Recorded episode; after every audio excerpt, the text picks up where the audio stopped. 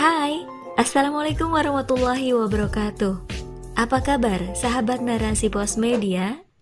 Siapa nih di sini yang pernah menjadi anak rantau? Atau mungkin saat ini kamu sedang merantau karena keperluan kuliah mungkin atau karena bekerja atau juga menikah misalnya mengikuti suami atau istri di mana dia tinggal Well, semoga story kali ini relate ya dengan kehidupan kamu dan bisa kamu ambil hikmahnya. Story ini ditulis oleh Tina Elhak berjudul Nestapa Anak Rantau.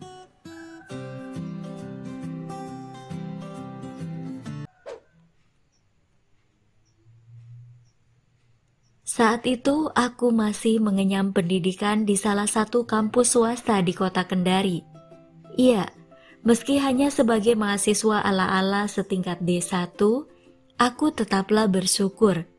Maklum, kala itu orang tua tak mampu menyekolahkanku karena terbentur biaya. Kejamnya kapitalisme membuatku tak mampu mendapatkan pendidikan yang terbaik. Saat itu menjelang kelulusan, maka, menjadi keharusan bagi setiap mahasiswa untuk mencari tempat magang, termasuk aku. Semula kuputuskan untuk magang di Kendari karena berhitung efisiensi.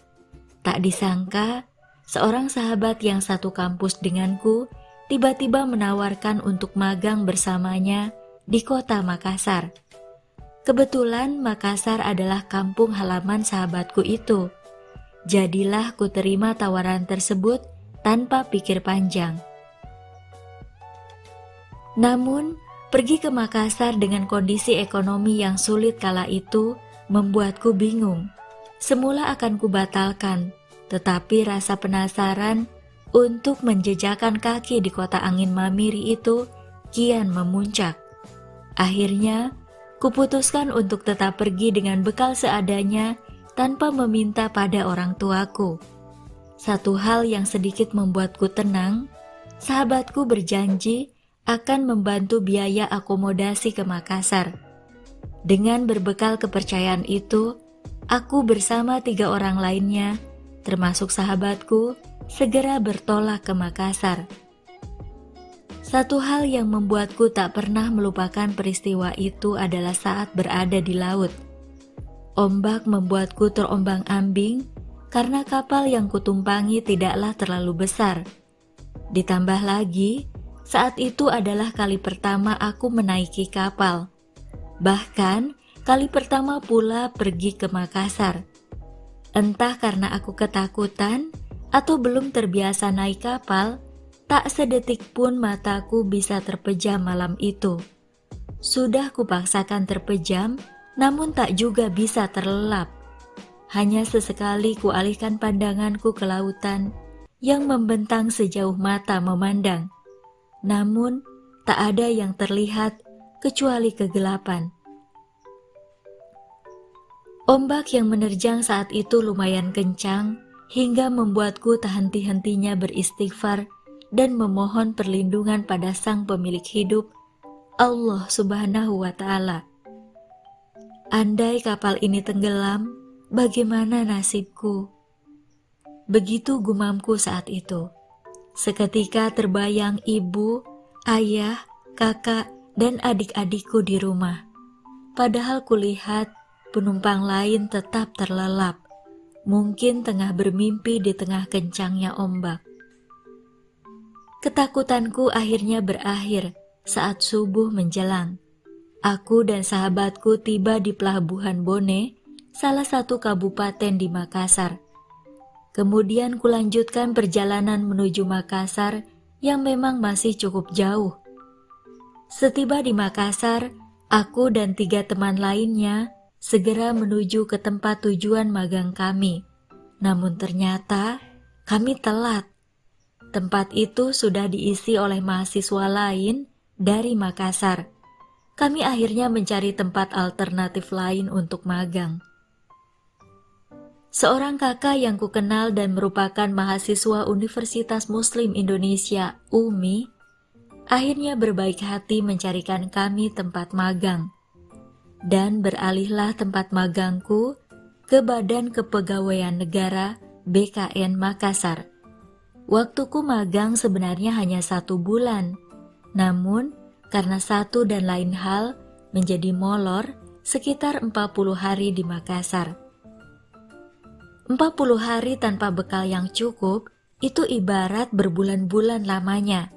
Bahkan pernah suatu pagi aku dan teman-teman hanya makan nasi putih tanpa sayur atau lauk apa pun.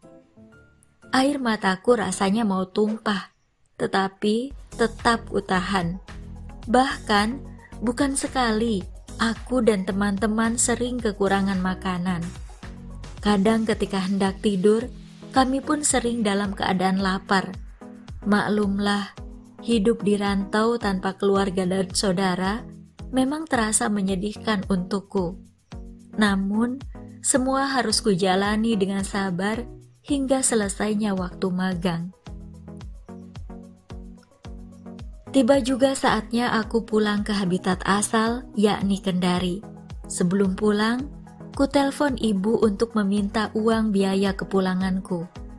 Beberapa hari kemudian, ibu memberi kabar bahwa uangnya telah ditransfer. Oh ya, aku meminjam rekening sahabat yang membawaku ke Makassar. Maklum, aku tidak punya rekening saat itu. Keesokan harinya, seorang teman yang juga mahasiswa UMI menawarkan diri pergi ke bank untuk menarik uang yang sudah ditransfer ibuku. Astagfirullah, astagfirullah. Berkali-kali ku ucap istighfar saat temanku pulang dari bank. Dia menunjukkan buku rekening itu di depanku. Tertera dengan jelas dalam buku tabungan itu Uang yang dikirim ibuku sudah ada yang menariknya lebih dahulu. Entah siapa. Seketika tubuhku langsung lemas sembari bergumam. Bagaimana aku akan pulang? Kehebohan pun melanda kami sambil bertanya-tanya, siapa gerangan yang telah mengambil uangku? Sejenak muncul bermacam prasangka dalam benakku. Ah, Kembali ku ucap istighfar kesekian kali untuk menenangkan hati. Tak seharusnya aku berprasangka buruk kepada siapa pun, apatah lagi kepada sahabatku. Sebab aku teringat firman Allah Subhanahu wa taala, "Hai orang-orang yang beriman, jauhilah kebanyakan prasangka buruk, karena sebagian dari prasangka buruk itu dosa." Dan janganlah sebagian kalian mencari-cari keburukan orang, dan menggunjing satu sama lain. Quran Surat Al-Hujurat ayat 12 Ya sudahlah, aku berusaha pasrah sembari terus bertanya-tanya. Bagaimana mungkin uang itu bisa hilang padahal tidak ada yang merasa mengambilnya? Uang itu memang tidak banyak. Bagi orang yang memiliki banyak uang, Jumlah tersebut tidaklah berarti apa pun, tetapi bagiku itu seperti harta karun yang sangat berharga saat itu. Sejatinya, uang itu akan kupakai membeli tiket kami untuk bertiga. Maklum, dua temanku yang tersisa pun kehabisan uang untuk pulang. Sementara sahabatku yang asli Makassar telah lebih dahulu pulang ke Kendari dan meninggalkan kami. Karena iba, teman-teman yang kukenal di Makassar akhirnya berpatungan untuk membelikan kami tiket. Aku mencoba berprasangka baik. Kuanggap uang itu bukan rezekiku. Kuhibur diri dengan mengingat Allah Subhanahu wa taala. Sebab Allah Subhanahu wa taala sudah menjanjikan bahwa rezeki manusia tidak akan tertukar. Setiap makhluk pun sudah ditetapkan rezekinya masing-masing. Aku tidak akan memakan rezeki orang lain, begitu juga sebaliknya. Jika itu bukan ditetapkan sebagai milikku, niscaya aku takkan pernah memilikinya. Hal itu pun sudah Allah Subhanahu wa taala nyatakan dalam Al-Qur'an surat Fatir ayat 2. Apa saja di antara rahmat Allah yang dianugerahkan kepada manusia, maka tidak ada yang dapat menahannya. Dan apa saja yang ditahannya, maka tidak ada yang sanggup untuk melepasnya setelah itu. Dan dialah yang maha perkasa, maha bijaksana. Demikianlah akan selalu ada kisah yang menyertai perjalanan hidupku dan hidupmu entah kisah bahagia, sedih, suka, maupun duka. Namun, sebagai orang beriman, seperti apa pun kisah yang hadir sepanjang hidup kita, tetaplah menjadi hamba Allah yang bersyukur. Sebab rezeki tak melulu berupa harta. Apa pun yang bisa mendatangkan kemanfaatan buat kita, sejatinya juga rezeki. Aku juga seharusnya tetap bersyukur. Meski uang pemberian orang tuaku hilang, tetapi Allah memberiku rezeki lewat jalan yang lain. Dengan uang patungan itu, aku pulang ke Kendari membawa sejuta kisah. Kisah hilangnya uang itu dan sedihnya menjadi anak rantau yang tidak memiliki uang.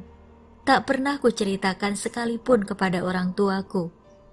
Biarlah mereka tahu bahwa uang itu telah diterima dan digunakan oleh putrinya. Wallahu a'lam. Iya, sahabat narasi pos media, demikian story kali ini. Mudah-mudahan ada manfaatnya ya. Kita bertemu dalam episode berikutnya. Tetap bersama saya, Maya Rohmah. Assalamualaikum warahmatullahi wabarakatuh. Bye.